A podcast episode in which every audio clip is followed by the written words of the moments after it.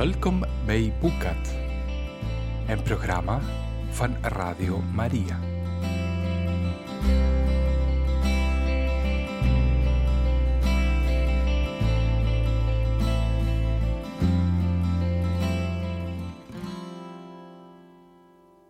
Beste luisteraars, vandaag lezen we verder uit de roman Engelenbrood van Tessa Afshar, het verhaal van Lydia, de purperverkoopster. Hoofdstuk 19 Naakt ben ik uit de schoot van mijn moeder gekomen, en naakt zal ik in haar schoot terugkeren. De Heer heeft gegeven, de Heer heeft genomen. Job, hoofdstuk 1, vers 21. Ben je naar Jason toegegaan? Het gezicht van haar vader, dat gloeide van de koorts, stond begripvol terwijl hij wachtte tot ze iets zei. Haar hart vloeide over van dankbaarheid toen ze dat gelaat bekeek. Hij was een goede man, eerlijk en rein.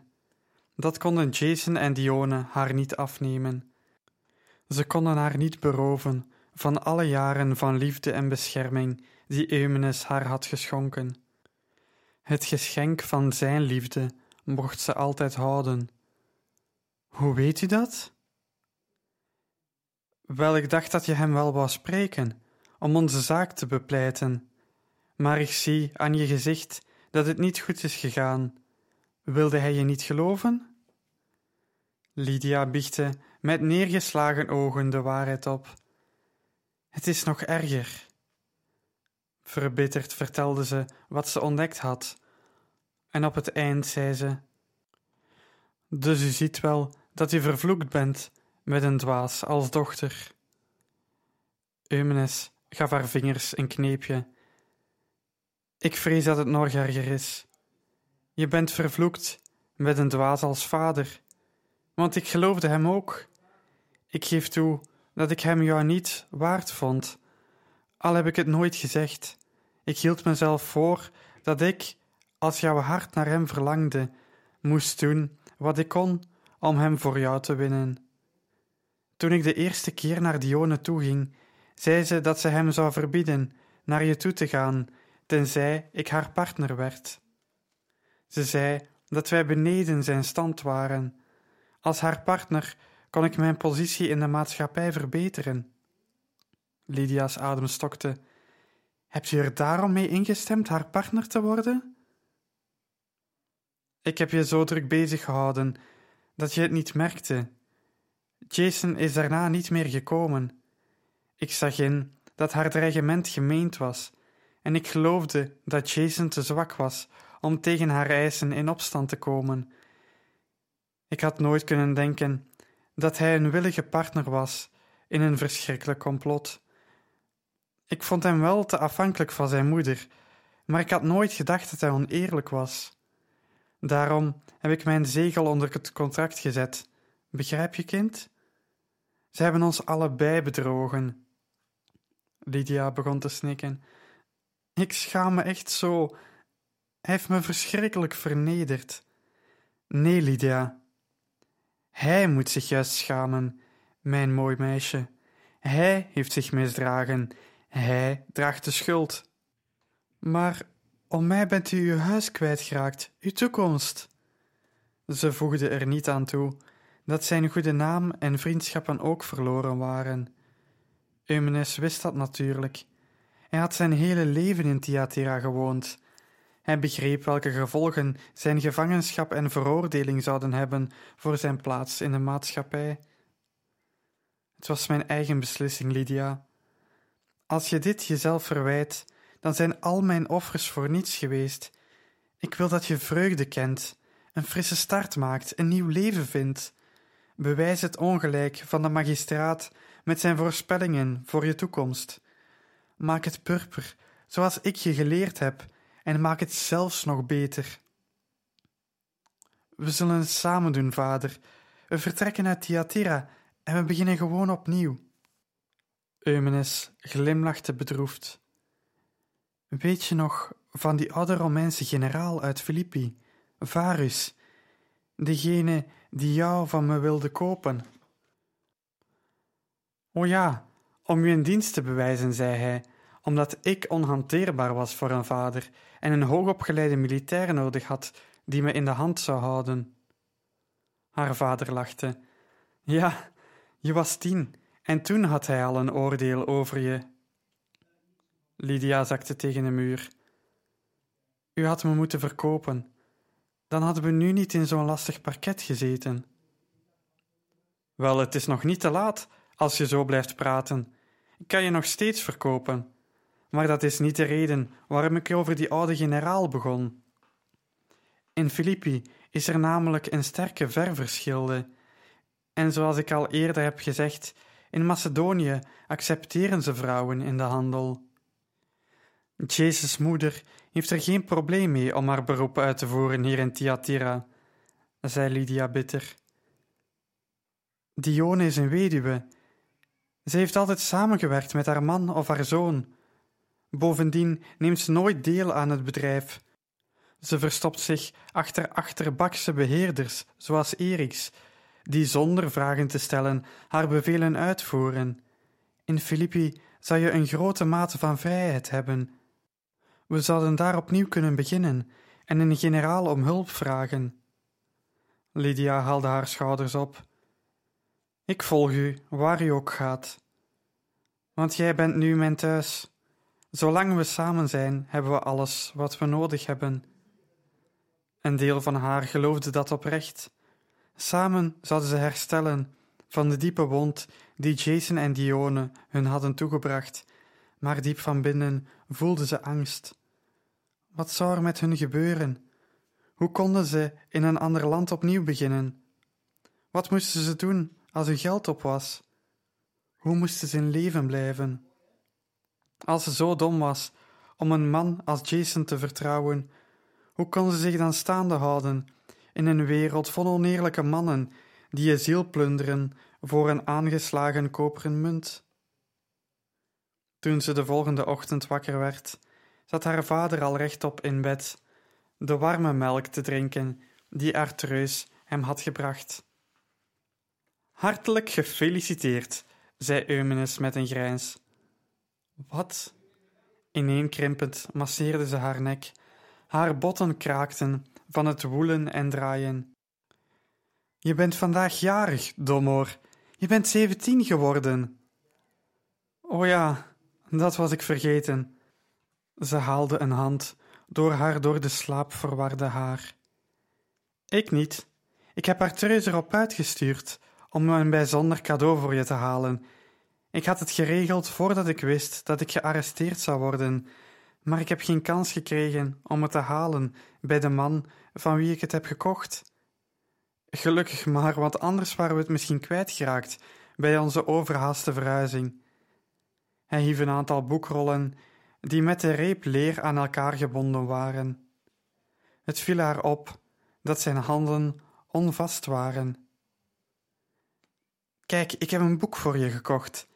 Als je nu niet kunt slapen en maar ligt te woelen en te draaien in je bed, vol duistere gedachten, dan kun je lezen. Lydia ging op haar knieën zitten. Waar hebt u een boek gevonden? Dan moet u een fortuin hebben gekost.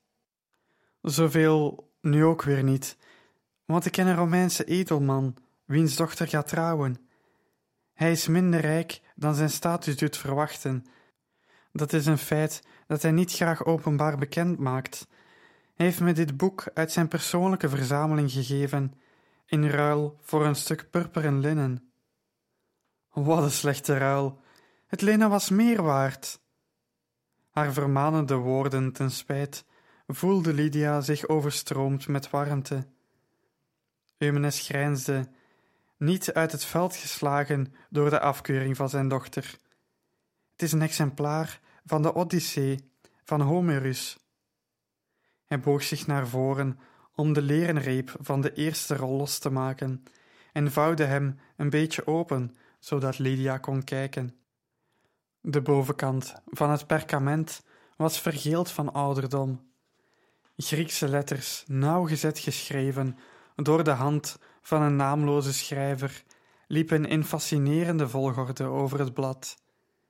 Lydia kon lezen en schrijven, dankzij haar vader, Door de jaren heen had ze verscheidene epische gedichten, geschiedverhalen en toneelstukken geleend van rijke collega's en klanten. Maar ze had zelf nooit een boek bezeten. Haar vingers streelden het buigzame oppervlak. Het is het verhaal van een man genaamd Odysseus, die twintig jaar weg was van huis en avonturen beleefde, zei Eumenes. Het lukte hem uiteindelijk om terug naar huis te keren, en toen leek het hem verstandig om aanvankelijk zijn identiteit te verbergen. Hij wist niet wat hem na twintig jaar thuis verwachtte. Was zijn vrouw hem trouw gebleven? Hadden zijn vijanden zijn land overgenomen? Dus hij verkleedde zich als bedelaar.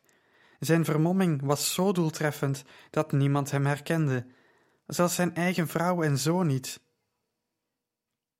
Dat kun je echt niet kwalijk nemen na zoveel jaren.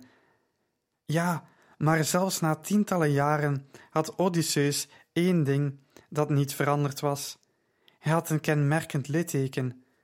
Toen Odysseus een jongen was, ging hij met zijn ooms uitjagen.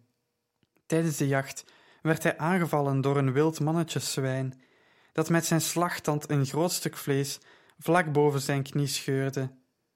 Een afgrijselijke wond die bijna zijn dood werd. Hij overleefde de aanval, maar de beer liet zijn merkteken op hem achter. Dat litteken verraadde Odysseus toen hij al die jaren later thuis kwam. Zijn vroegere kindermeisje zag toevallig het litteken en herkende hem eraan. Ik vertel je dit omdat jij, net als Odysseus, een litteken van een wild zwijn draagt. Lydia fronste in verwarring. O ja? Ja, niemand kan het zien. Jouw litteken zit hier. Eumenes legde zijn hand op zijn borst, diep in je hart, waar het verborgen is, uit het zicht. Toch kun je het niet verbloemen, je kunt het niet weggeven. Je allernaasten kunnen het zien en herkennen. Het doet nog steeds pijn. Hij pakte haar hand. Ik weet niet hoe ik het moet genezen. Vader, Lydia schudde haar hoofd. Ik begrijp het niet. Een paar maanden geleden vroeg je me naar je moeder, weet je nog? Je vroeg me hoe ze gestorven is. Ik heb het je toen niet verteld. Het is tijd dat ik over die dag spreek.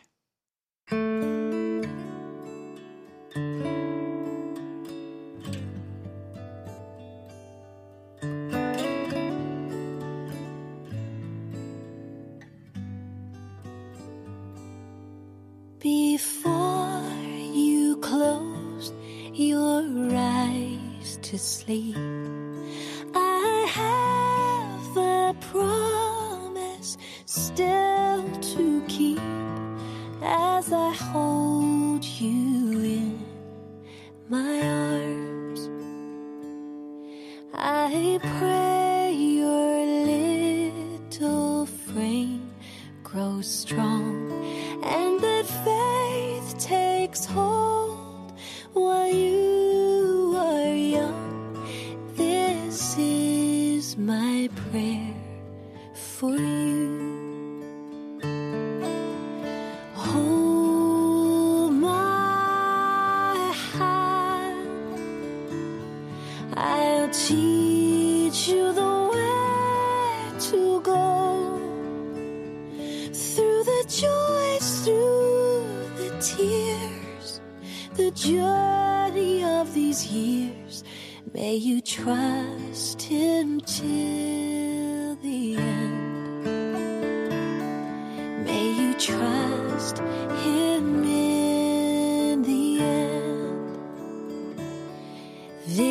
This world is not as it should be, but the Savior opens eyes to see all that's beautiful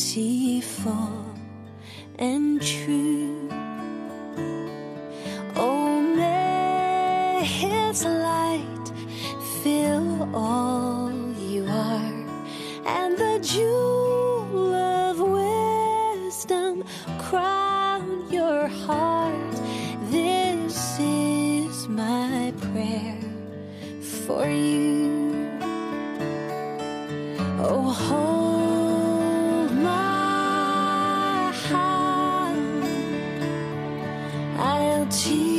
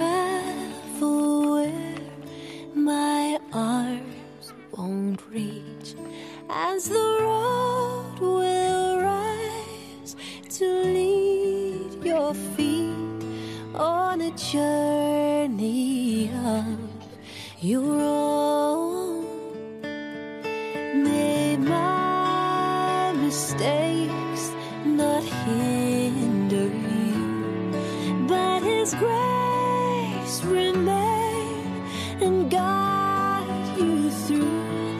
This is my prayer for you.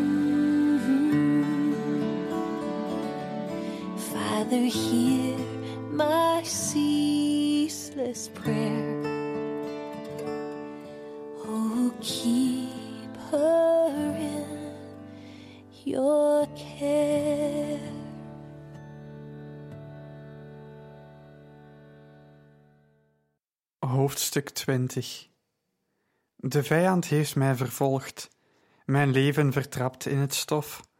Ik moet wonen in duisternis, als de doden van eeuwen her. Psalm 143, vers 3 Je hele leven heb ik geprobeerd je veilig te bewaren, om je te beschermen tegen het kwaad. Eumenes stem beefde. Het is een onmogelijke taak, heb ik ontdekt, om je dierbaren af te schermen voor het lijden. Verdriet weet je toch wel te vinden, waar je je ook verbergt. Het heeft jou gevonden toen je nog heel klein was. Het heeft een ondraaglijk gewicht van angst in je hart binnengelaten. Toen mijn moeder stierf? Haar vader knikte. We waren toen onderweg om een nicht van je moeder te bezoeken, een week reizen vanaf Thyatira. Hij ademde bibberig in. We waren een, een hecht gezin, wij drieën. Je was je moeders grote vreugde en de mijne. Het was al erg genoeg om haar te verliezen, maar op zo'n barbaarse manier. Hij schudde zijn hoofd. Lydia werd bleek. Beelden van haar terugkerende droom kwamen duidelijker dan ooit boven. Haar moeder die schreeuwde van pijn, overal bloed, een groeiend scharlakenrood meer op haar kleren, haar gezicht, haar haar. Eumenes kneep zijn ogen dicht. Zijn wimpers werden een kleverig web van tranen. Op de derde dag van onze reis kwamen we bij een veld waar lelies bloeiden. Ze had een zwak voor bloemen. Ze wilde beslist de reiswagen uit om door het veld te wandelen. De weg waar we overreden zat vol gaten ter grootte van een reuzenhoofd, en de karavaan bewoog zo langzaam als een gewonde schildpad. Dus we lieten jou in de karavaan achter bij een bekende en stapten uit om door het veld te lopen, terwijl we de reiswagen bijhielden. Ik liep een paar stappen voor haar uit. We zagen het wilde mannetjeszwijn, geen van beiden, tot het te laat was. Een wild zwijn? Lydia zag een flits van een herinnering, een die ze nog nooit had gezien. Naast de ingestorte gestalte van haar moeder lag een berg trillend vlees, dat nog half verbonden uit haar stroomde. Haar darmen. Lydia drukte de rug van haar hand tegen haar mond. Ik keek vol afgrijzend toe hoe dat beest haar aanviel. Ik probeerde haar achter me te trekken, om een schild te vormen tegen dat razende dier. Maar het had geen zin. Het zwijn bewoog veel sneller dan ik. De mannen in ons gezelschap kwamen aanrennen met stokken en speren. Ik had alleen mijn blote handen, maar ik probeerde te helpen.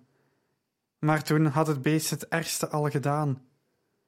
Toen we je moeders verminkte lichaam in het rijtuig droegen, rende je weg van de vrouw die je tegen die aanblik probeerde te beschermen. De verschrikking was zo groot voor je dat je geen geluid kon maken. Je moeder was nog bij bewustzijn, maar haar verwondingen waren ernstig. Ze gilde: Help me, help me! herinnerde Lydia zich en ze klapte dubbel. Het was met kinderogen dat ze zag, met een kinderhart dat ze voelde. Alle mensen, Lydia, wat heb ik gebeden dat die aanblik je bespaard was geweest. Eumenes plukte aan de lakens. We brachten haar naar de dichtstbijzijnde herberg. Er was geen hoop dat ze het huis van haar familie zou halen. Ik kan niet zeggen hoe ze de tocht heeft overleefd. Drie dagen lang is ze nog op deze wereld gebleven. Drie dagen van smart. Haar gegil teisterde mijn hoofd, tot ik dacht dat ik gek zou worden. De dokter kon niets doen. Zijn drankjes waren nutteloos. We zorgden dat je niet naar haar toe kon komen. En toch is het je een paar keer gelukt om naar binnen te glippen en haar te zien.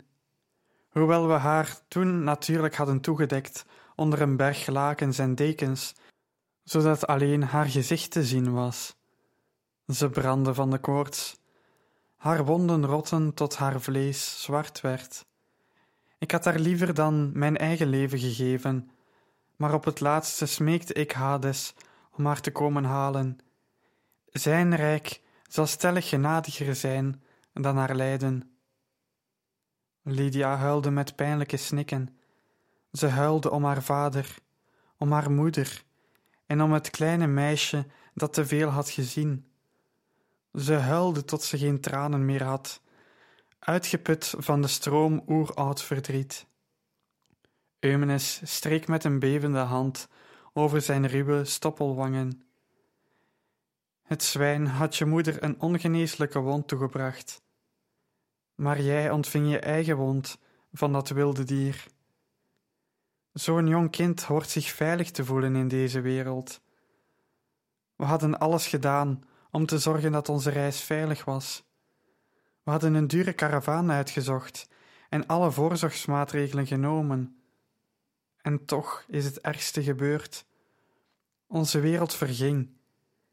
Ik denk dat je kleine ziel heeft geleerd dat je dromen ieder ogenblik uit je handen kunnen worden gescheurd en dat de grond onder je voeten kan instorten, zodat je wervelend verdwijnt in een afgrond van verdriet, waar geen geneesmiddel voor is. Nu heeft de angst een woning in je gemaakt, je zorgelijkheid over alles. Het zwijn heeft je gebrandmerkt, zoals Odysseus' zwijn hem had gebrandmerkt. Maar het heeft niet gewonnen. Hoewel je pijn lijdt van dat litteken, heb jij gezegevierd want ondanks al die pijn, Lydia, ben jij toch de dapperste mens die je ken. Je zet door, dwars door je zorgen heen, en je trotseert de uitdagingen die je wachten. Als een rots blijf je aan mijn zijde, en je komt elke verschrikking te boven. Lydia schudde ontkennend haar hoofd. Het is waar, hield haar vader vol. Je moet me geloven, omdat het ergste weer gebeurd is. Je bent verraden. Je bent je huis kwijtgeraakt. Je hebt alles verloren wat je geborgenheid gaf. En ik ben bang. Eumenes klopte haar op het hoofd, zachtjes als een fluistering. Ik ben heel bang, mijn geliefde dochter, dat je lijden nog niet voorbij is. De wonden van haar vader genazen en begonnen korsten te vormen, maar hij bleef zwak en was niet in staat om te reizen. Zonder de afleiding van zijn verpleging en de drukte van het werk was ze overgelaten aan de genade van haar gedachten. De gesprekken waren het ergst, gesprekken waar Lydia zich in haar eigen hoofd aan overgaf, wat ze in haar verbeelding tegen Jason en Dione zei, woorden om zichzelf te rechtvaardigen, schroeiende uitspraken over hun schuld, woorden van wraak, waarmee ze met vrede precisie hun schanddaden ontleden en hen zo overtuigend veroordeelde dat ze berouw toonden. In haar gedachten toonden ze altijd berouw en zij won. Ze werd in ere hersteld. En dan begon de cyclus opnieuw en ze voerde met andere woorden dezelfde argumenten aan. Ze kon niet slapen, haar geest kwam niet tot rust. Verraad werkt als zuurdesem, zei haar vader een keer laat op de avond. Zuurdesem? Eumenes verschoof op het matras, dat hij de laatste dagen zelden verliet. Het doet grotere dingen reizen, zodat als het zijn schade heeft aangericht, je niet alleen genezing nodig hebt van het verraad. Het vergiftigt de geest met wrok en bitterheid, en die verwoestende invloeden zijn veel moeilijker te overwinnen dan verraad alleen. Pas op, mijn Lydia. Jason en Dione hebben de grond gestolen die je van je voorouders hebt gekregen. Dat is iets kleins om te verliezen, al lijkt het je nu heel erg. Op een dag zul je andere grond vinden, een ander huis, een andere plek om je wortels in te graven. Lydia snoof om zijn geruststelling woordeloos te ontkennen, alsof er een plaats op de wereld was die het land dat haar voorouders haar hadden nagelaten kon vervangen, alsof een andere uithoek van de aarde haar huis kon zijn. Er zijn veel ergere dingen die je kunt verliezen. Laat je niet door Jason je vreugde en je vrede afnemen, want dan heeft hij je pas echt beroofd. Voor zulke dingen bestaat geen vervanging. En zo, beste luisteraars, zijn we aan het einde gekomen van deze aflevering. In een volgende uitzending lezen we verder uit het boek Engelenbrood, het verhaal van Lydia de purperverkoopster van Tessa Afshar. Tot een volgende keer.